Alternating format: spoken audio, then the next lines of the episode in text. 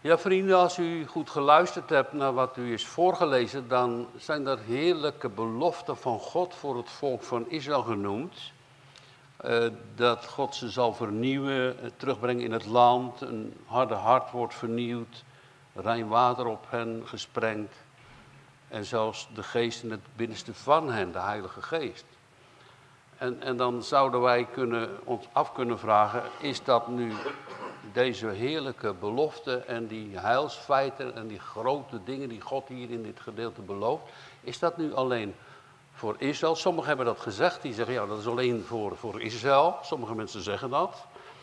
En anderen hebben wel gezegd, nou ja, nee, kijk, Israël, dus de Heer Jezus is eh, zo verlaten en niet aangenomen, dus dat, dat is dan voor de kerk geworden. Er zijn ook een groep mensen die dat denken. Hè?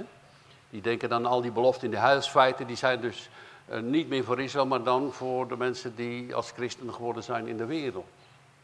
Maar ik ben van mening dat het zowel voor Israël is, deze heerlijke belofte, als ook voor ons. Ook voor de heidenvolken. Zo zijn wij wel genoemd. Wij zijn uit de heidenen overgeplant als we in de Heer Jezus geloven, als een wilde tak in de wijnstok van Israël. Dus deze heerlijke beloften zijn zowel voor Israël als voor ons. Dat hebben we altijd genoemd en daarom bidden we ook voor Israël. En daarom hebben we ook gezien wat God gezegd heeft. Want in dat vorige hoofdstuk van de profeet Ezekiel, waar dat volk in ballingschap geraakt was, hè, ze moesten dus uh, naar Babel zijn ze afgevoerd. En dan had God wel gezegd dat daar de herders van dat volk toen in Israël slechte herders waren. Ze zorgden niet goed voor het volk. Ze zorgden veel meer voor zichzelf als voor het volk. En dan heeft God gezegd, ik zal een andere herder sturen. Een eeuwige herder, dat is uit David werd genoemd. Dus uit de familie van David, want David was natuurlijk hier al gestorven. Ik zal een andere herder geven en die zal mij kudde wijden. En dat is natuurlijk de Heer Jezus. Die het volk wil wijden. En wat heeft de Heer Jezus dan gezegd? Hij had toch later gezegd, en het staat toch in het evangelie van Johannes. Ik heb ook nog andere schapen die van deze stal niet zijn. Die moet ik ook toebrengen. En het zal worden één herder en één kudde. Van daaruit alleen over deze dingen mogen we zeggen dat de belofte voor Israël is, maar ook voor ons. Heerlijke woorden van God. Er is een ene keer nadat de profeet Ezekiel al die moeilijke woorden had gehoord van God, een omslag gekomen in het positieve. Had hij nooit meer op gerekend. Hij had gezien dat God door de ingeving via een visioen, of hoe dan ook maar, dat God Jeruzalem verlaten had. En niet alleen Jeruzalem, maar ook de tempel verlaten had. God ging weg uit Israël. Daar had hij zoveel verdriet van terwijl hij dan in Babel zat. Staat in de vorige hoofdstukken, kunt u dat lezen. En daar was hij zo van ontdaan. En, hij had, en Jeremia heeft ook gepredikt. En die is dan lange tijd nog daar in Israël gebleven. En in Jeruzalem dat de stad zal verwoest worden. En het volk zal weggevoerd worden naar Babel. En daar is het ook gebeurd. Dat hij dan een bericht krijgt dat er een ontkomene, want er waren dus mensen afgevoerd. En een groot bloedbad is ontstaan in Jeruzalem onder Nebukadnezar en later ook weer onder de Romeinen. En later ook weer in de Holocaust. En blijkbaar steeds weer die repeterende werking in het woord van God. Steeds weer opnieuw komen de dingen weer terug. Ook in 1948 zou je toch niet kunnen zeggen dat ze terug mochten komen.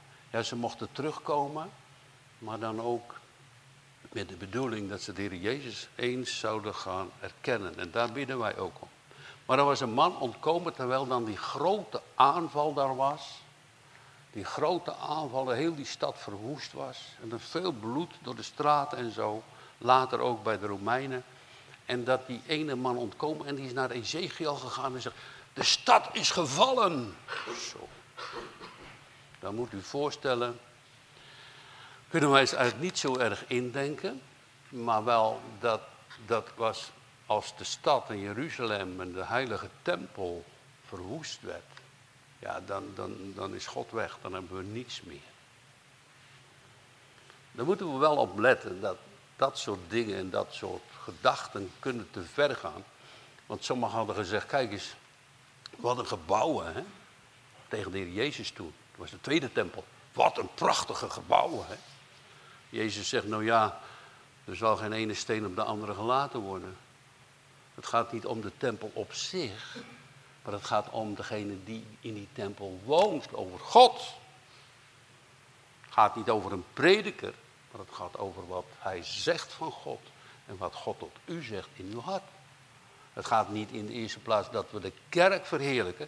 We mogen dankbaar zijn dat we hier een gemeente en een kerk hebben. Maar het gaat in de eerste plaats dat we God kennen en dat we zijn dienst waarnemen en dat we hem aanbidden in de kerk. En dat was wel helemaal fout gegaan, want Israël had gezondigd. De waarschuwingen waren voortdurend geweest. Ze hadden afgoden gediend. Dat was natuurlijk al bekend bij u, dat er gezegd werd, daar in de woestijn toen, dat Mozes zo lang op de berg bleef. Toen heb Aaron dat gouden kalf gemaakt. Ik vind het altijd een beetje raar als ze dan nu nog steeds met, met, met allerlei dingen over een gouden kalf spreken, weet je. Dat gouden kalf, dat afgodenbeeld, daar zei Aaron van, deze goden die hebben u uit Egypte opgevoerd. Nou, wat moet God toch niet voor een verdriet en een smaadheid gehad hebben over hetgeen wat gezegd werd en wat ze geloofden en wat ze deden. En daarom moeten we ons vandaag ook onderzoeken. Zou God ook verdriet over mij hebben of over u? Of over onze gemeente? Zou God verdriet hebben over ons, over onze daden? En zo was Ezekiel daar. En, en ja, als je dan die mensen, hè, die zijn toen daar uit dat uh, Israël weggegaan, weggevoerd. Misschien wel gebonden of geslagen. En als er dan iemand uitviel, dan werd hij doodgeknuppeld aan de weg natuurlijk. En zo werden ze naar Babel vervoerd. En, en, en als je dan die mensen daar rondomheen hè, zou vragen, zijn dat nou de Israëli's? Die hebben toch die God Yahweh? Die heilige God die hen door de Rode Zee geleid heeft en uit Egypteland en dat hele land Canaan gegeven heeft. Ze zijn door de Jordaan getrokken. Met Jozua hebben ze de... Is dat die God? Is dat die God die, die dan zijn engel stuurde tijdens een van de Syrische aanvallen? Dat er met één engel van God zomaar duizenden soldaten van de tegenpartij gedood werden? En, kijk, nu is die tempel verwoest. Jeruzalem verwoest. En het volk wordt daar weggevoerd. Is dat nou Yahweh? Is dat nou de God van de Bijbel? En, en, en zo, zo gebeurt het ook in kerkstrijd, in, in, mensen tegen elkaar opstaan. Daarom is het zo belangrijk dat we de eenheid zoeken. Je hoeft niet allemaal met elkaar eens te zijn hoor. Dat vraagt God ook helemaal niet. En dat lukt natuurlijk ook nooit. Dat is natuurlijk onzin. Maar wel dat je de eenheid zoekt in de naam van God. Want anders dan zouden wij ook de smaad en de buitenwacht zo. Nou, daar moet je niet naartoe gaan hoor, naar die kerk. Of dat ze zeggen, nou, wat hebben die mensen? Kijk eens hoe lief ze elkaar hebben. Kijk eens hoeveel ze van elkaar houden. Dat is wat anders natuurlijk. Dat is mooi als God dat geeft, toch? Nou, ze hadden dus gedacht dat woord komt nooit en nooit meer goed. Ezekiel dacht het ook. Maar plotseling zegt God tegen hem, nou moet je wat anders gaan zeggen. En ik, ik lees u toch even terug voor de duidelijkheid hoe pijnlijk het voor God geweest moet zijn in vers 22 of vers 23. We zijn dus begonnen bij vers 24 te lezen, maar vers, vers 23 staat dit. Ik zal het u lezen. Want, zegt God, ik zal, in dit gedeelte komt heel vaak voor het woord ik zal. Ik zal mijn grote naam heiligen onder de heidenen. Die onder de heidenen ontheiligd is. Die jullie in het midden van hen ontheiligd hebben. En de heidenen zullen weten dat ik de Heere ben, spreekt de Heere, Heere, als ik aan u voor hun ogen zal geheiligd zijn. Dus dat die mensen die daar de Israëli's zagen lopen, en misschien ook tijdens de holocaust wel, dat ze dus zeggen, nou waar is nou je God? En dan wil ik daar geen oordeel over leggen op dit, maar hier is het duidelijke dat het hier gewoon in het woord van God staat. Dat, dat het eigenlijk de schuld is van het Joodse volk zelf in die tijd. Dat staat hier vers, vooral in vers 23. Jullie hebben gemaakt dat de heidenen mij lasteren. Nou, dat is, dat is een niet zo mooie zaak hoor. Want dan gaat God echt heel, eh, dan gaat God bij je weg. Dan, kijk, als, als dat ook onder ons zou gebeuren, hè, weet je wat er dan gebeurt? Misschien dat God dan nog buiten daar aan de deur staat te kloppen. Mag ik ook binnenkomen? Ik sta aan de deur en ik klop, hè. dan staat hij buiten. Dus daar, daar, daar moeten we aan denken, toch? Dan moeten we toch vragen om Gods gunst en Gods genade en Gods hulp. Dat we één zijn, dat we liefde hebben voor elkaar en dat we Hem dienen. Dat we de weg gaan van Hem, die goede God. Maar als dan die profeet Ezekiel, die prachtige woorden die u voorgelezen zijn, uh, zo gaat vertellen ook aan het volk. En hij moet het ook doorgeven, hij moet het ook profiteren. Is er dan bij dat volk daar in Babel, of daar nog dat kleine groepje achtergebleven in Jeruzalem, is daar dan bekering geweest? Vernieuwing? Nee. Ze hadden wel geluisterd, het staat ook in de vorige hoofdstukken. Ze hadden ook wel geluisterd. Nou, die Ezekiel zegt mooie dingen. En, en dat kan ook zo in onze kerk gebeuren, dat je wel luistert. Maar Jezus zegt, die mijn, mijn woorden hoort en die woorden ook doet, die zal ik vergelijken met een voorzichtig man die zijn huis op de steenrots bouwt. Dus als hij zijn woorden hoort en niet doet, dan kan je het allemaal wel mooi vinden, maar daar heb je er niks aan. Het gaat erom dat je die woorden dus ontvangt. Nou, dat deden ze dus niet. Het staat heel duidelijk in een zegen. Hebben ze echt niet gedaan. En dan komt God. Terwijl dus zij allemaal als het ware aan de kant stonden. En helemaal niet uh, bereid waren om God opnieuw te gaan dienen. Zaten ze daar maar in Babel, hadden misschien wel tranen gelaten. En dan zegt hij, want ik zal u uit de heidenen halen. Ik zal. God gaat iets doen.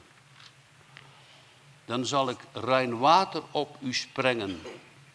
En gij zult rein worden van al uw ongerechtigheid. En ik zal u trekgoden van al uw afgoderijen zal ik u genezen. Laat, laten we eens even, gewoon eens even nadenken. Het gaat niet voor mij om, maar iedereen te beschuldigen moet ook bij onszelf zijn. Kan je loskomen van je gedachten? Ik sprak iemand van de week nog. Hij zegt, ja, soms zit je zoveel te piekeren. En allemaal die gedachten in je hoofd. En dan probeer, zeg, zeg je tegen jezelf, weg met die gedachten, weg met die gedachten. En dan ga je naar bed en dan blijft het maar malen. Je zit zo vast. Van al, dat, al die dingen. En daarom zoeken mensen eigenlijk ontvluchten, escape uit sommige dingen van verslaving en noemen. Je zoekt een escape, je wil daaruit. Maar je komt er ook wel achter, als je gewoon eerlijk bent, dat het ook zo vaak niet lukt. Je kan ook niet vluchten van je verdriet. Je kan niet vluchten van pijn. Je kan niet vluchten van verslavingen.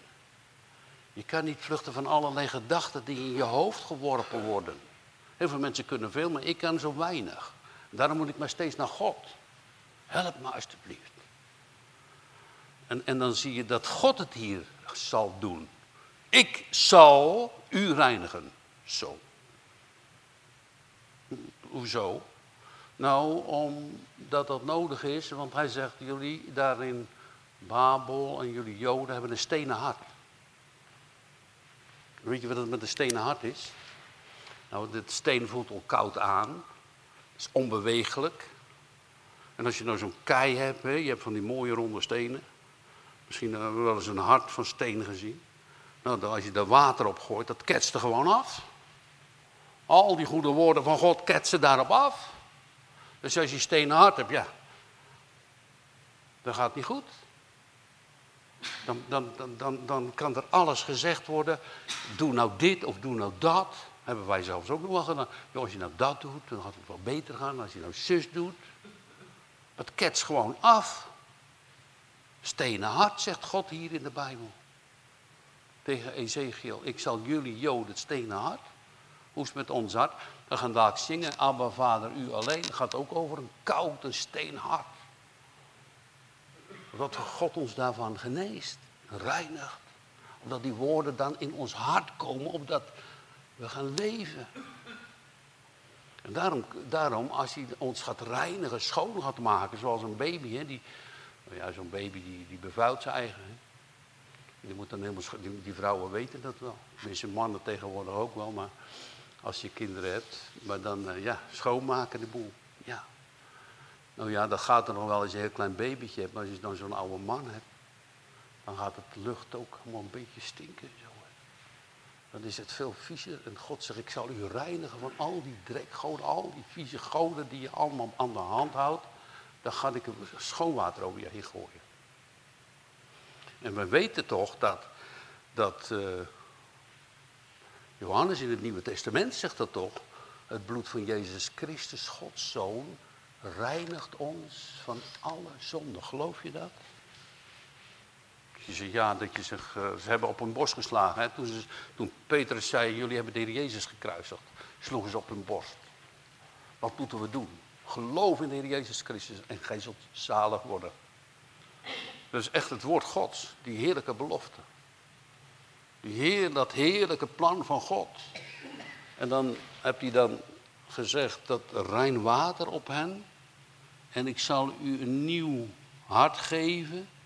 Een nieuwe geest in het binnenste van u.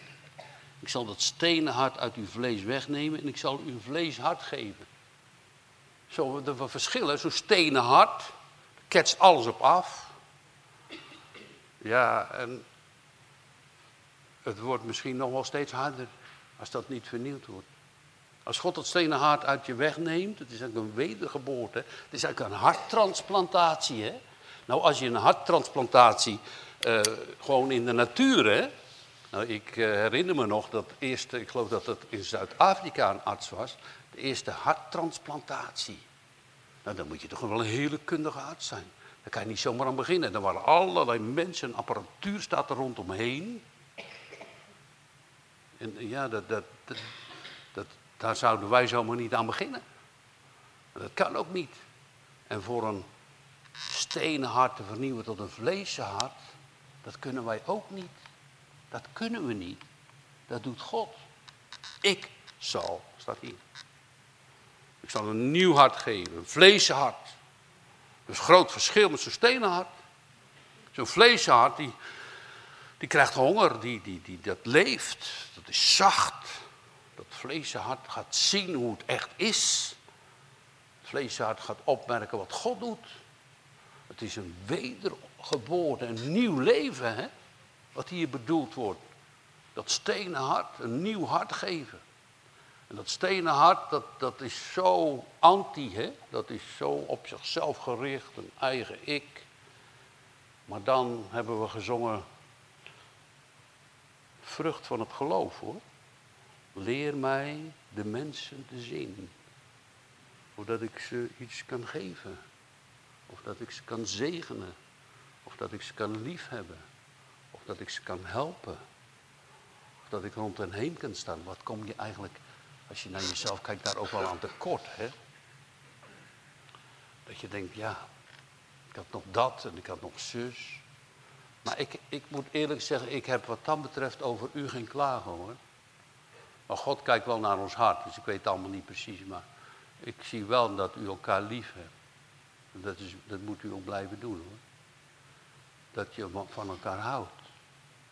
Omdat we de Heer Jezus volgen toch. Omdat we dankbaar zijn. Omdat hij voor ons een vlees hart wil geven. En als hij dat gegeven hebt, dat vlees hart. Dan kijk je omhoog, maar je kijkt ook naar de mensen rond je heen. Want je wil zo graag dat er leven komt, nieuw leven bij die anderen. En, en als je dan zegt, ja, nota bene zeg, mijn kinderen, ik heb dit gezegd en ik heb dat gedaan en ik heb zus geroepen en ik heb ze erbij geroepen en ik heb dat gedaan. Komen niet.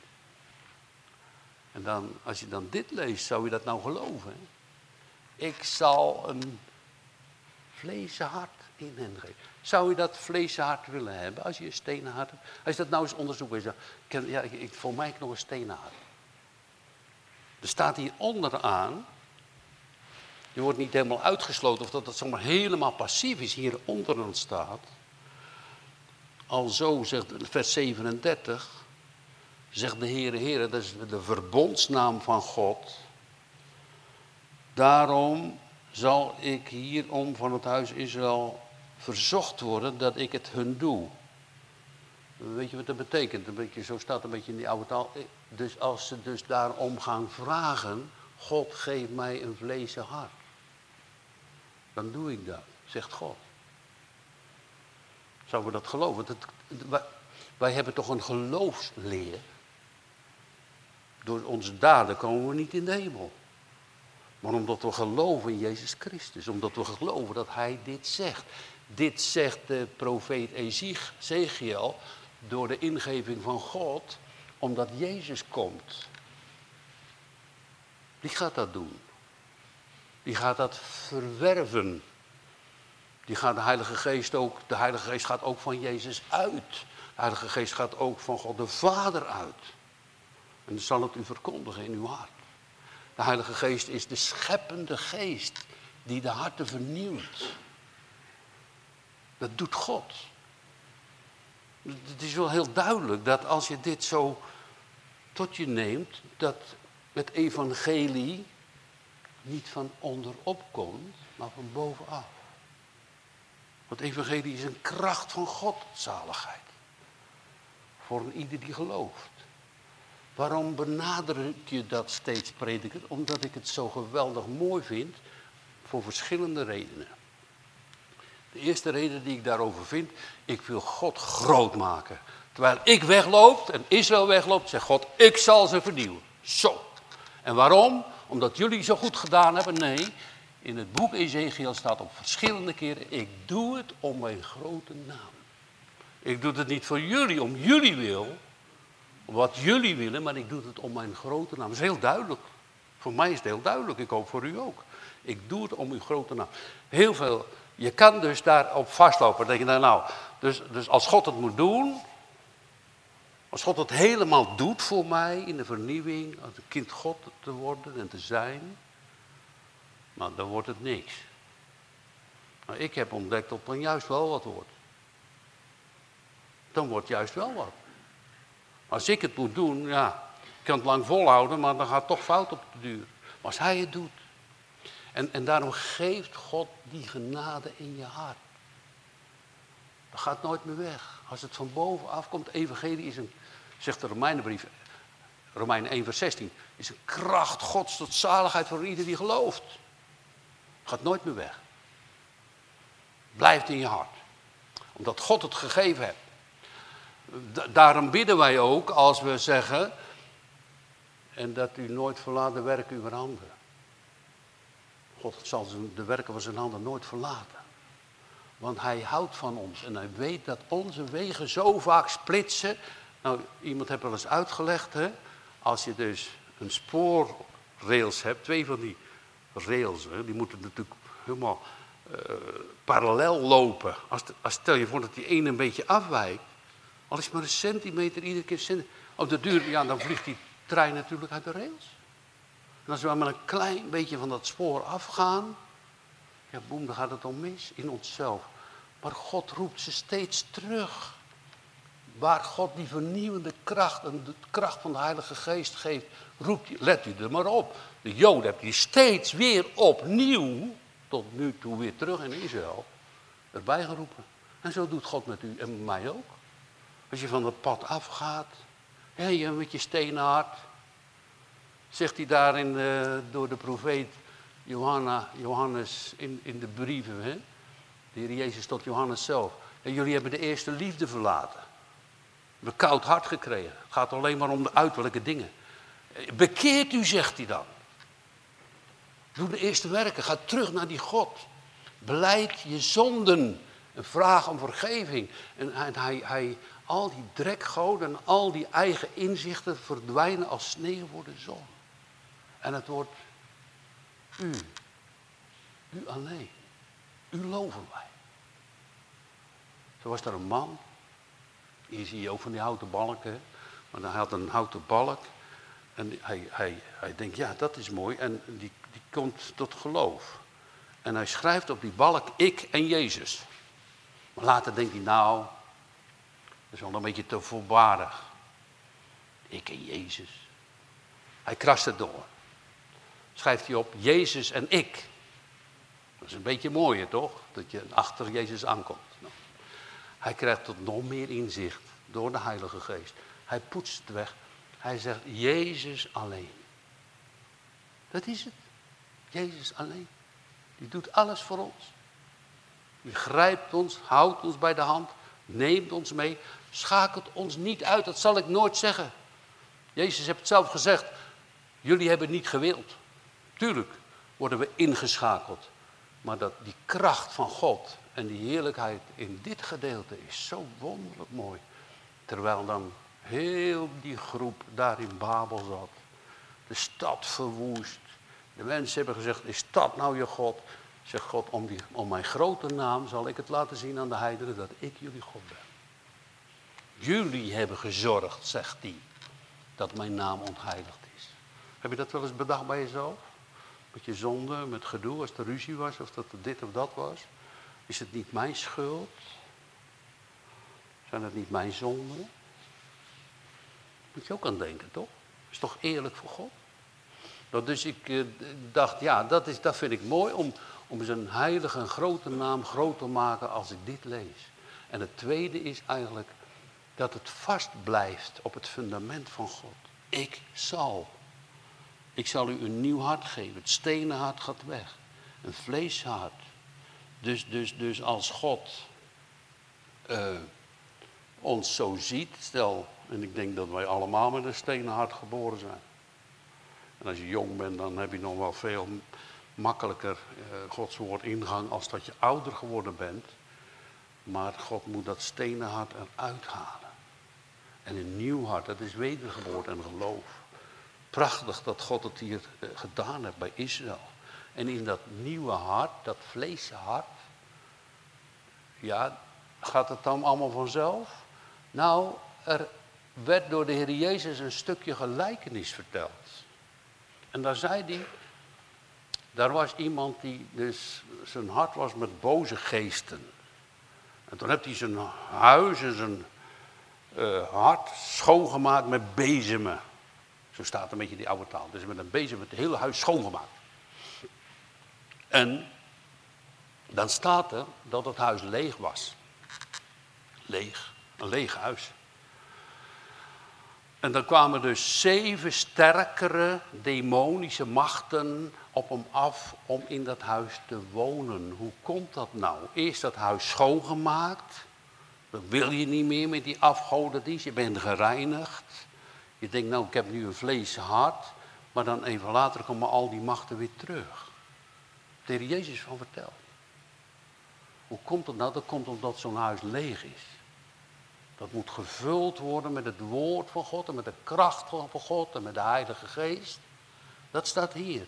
Dat als hij dat hart, dat steenhart vernieuwt en een vleeshart geeft, dan moet dat hart vervuld worden met de Heilige Geest. En, en, en de Heilige Geest is toch uitgestort? Gods geest, als de Heer Jezus zegt, ik zal u geen wezen laten, ik kom weer tot u, hebt hij ook beloofd dat de Heilige Geest uitgestort is. wij hebben daar, daar natuurlijk met, met de Pinksterdag denken we eraan. Maar die is voortdurend werkzaam. Om ons te laten zien wie God is. Om ons te doen letten dat we niet de verkeerde weg gaan en zondigen. Zeg, ho, noem je naam eens. Leon, Paula, zeg maar. Ho, ho, dat is verkeerd andere weg opzoeken. Die zegt, zet een leert ons te gaan bidden. Zet een wacht voor mijn lippen. Behoor de deuren van mijn mond. Omdat ik niet tot ene stond iets onbedachtzaams laat ontglippen. Zo'n psalm. Dat is werk van de Heilige Geest.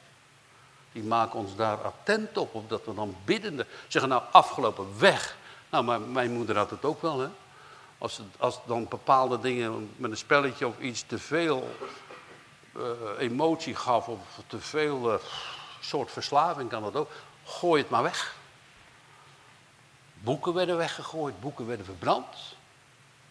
Dingen moesten uit het huis, moest gereinigd worden. Als alles schoon is, zonder Gods geest, is het zo weer verdorven. We kunnen niet zonder de Heilige Geest. Dat staat hier heel duidelijk. In dat nieuwe hart zegt God.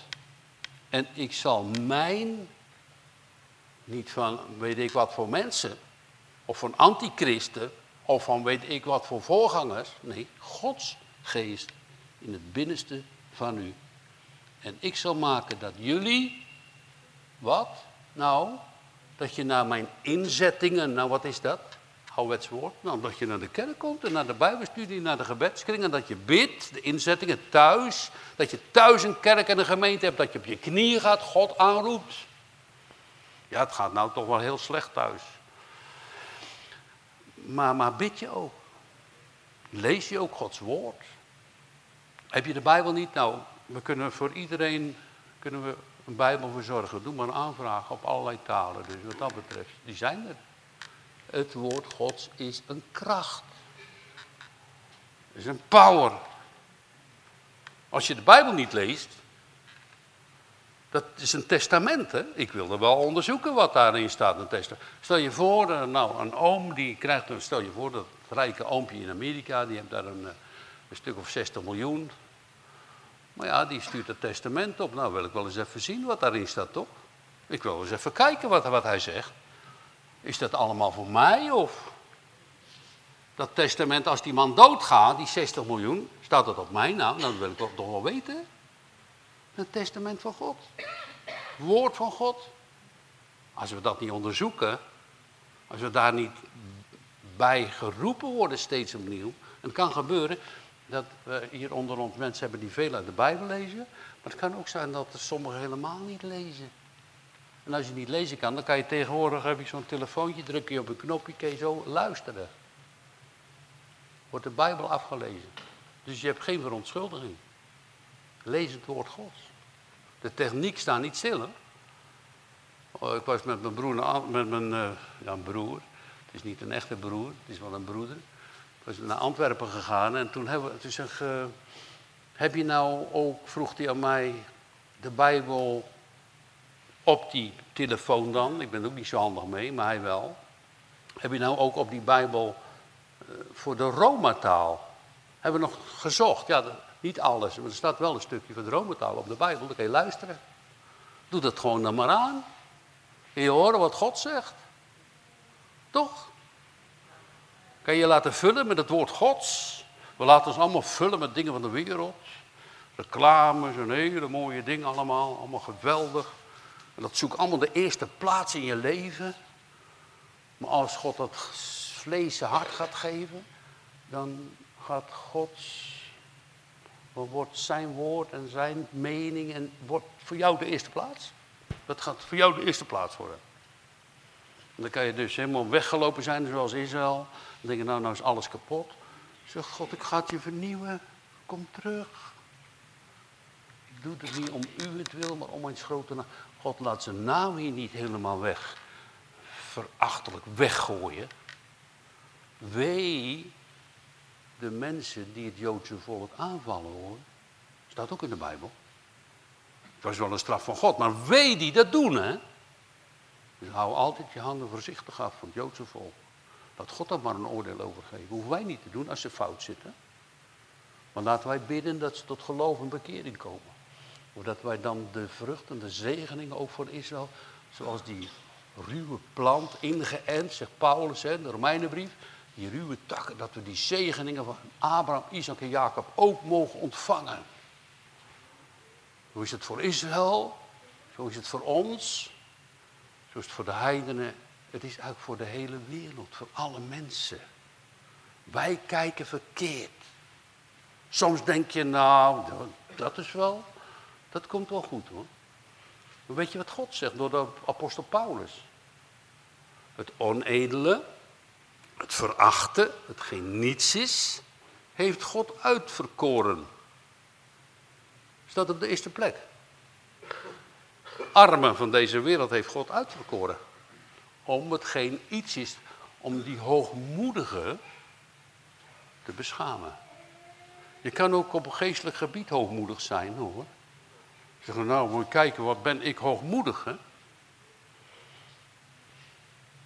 En, en dat zie je vaak van jezelf niet, maar zoals dat die man daar in de tempel staat. Kijk, eh, ja, ik ben niet zoals die man daar, hè? achter in de tempel. Ik geef tiende en ik bid zoveel en dat. Als dan die hoogmoed op ons hart komt, gaat God ons voorbij. Daarom is het zo mooi wat hier staat. En gij zult wonen in het land, dus mijn inzettingen bewaren en wandel in mijn rechten en die doen. De rechten van God. Ja, de inzettingen en de rechten van God. Wat is dat dan, de rechten van God? God heeft recht op ons. De koning heeft recht om in ons hart te wonen. De koning heeft recht, kom in mijn hart zingen we. Hè? Hij heeft recht dat hij in ons hart woont. dus, ehm, en ik zal u verlossen van al uw onreinheden. En ik zal roepen tot de koren en het zal vermenigvuldigen. En ik zal geen honger op u leggen. Geweldige woorden van de profeet Ezekiel. Het komt weer goed met Israël. Het komt weer goed met de volken. Uh, zou je het geloven? Je ziet er helemaal niks van. Hè? Je hebt dat gedaan en je hebt dat gedaan en je hebt dat gezegd. En, en je denkt, maar het gaat steeds fout met mijn kinderen. En dan lees je dit. Ik zal. Ja, jij niet hoor. Jij redt het niet.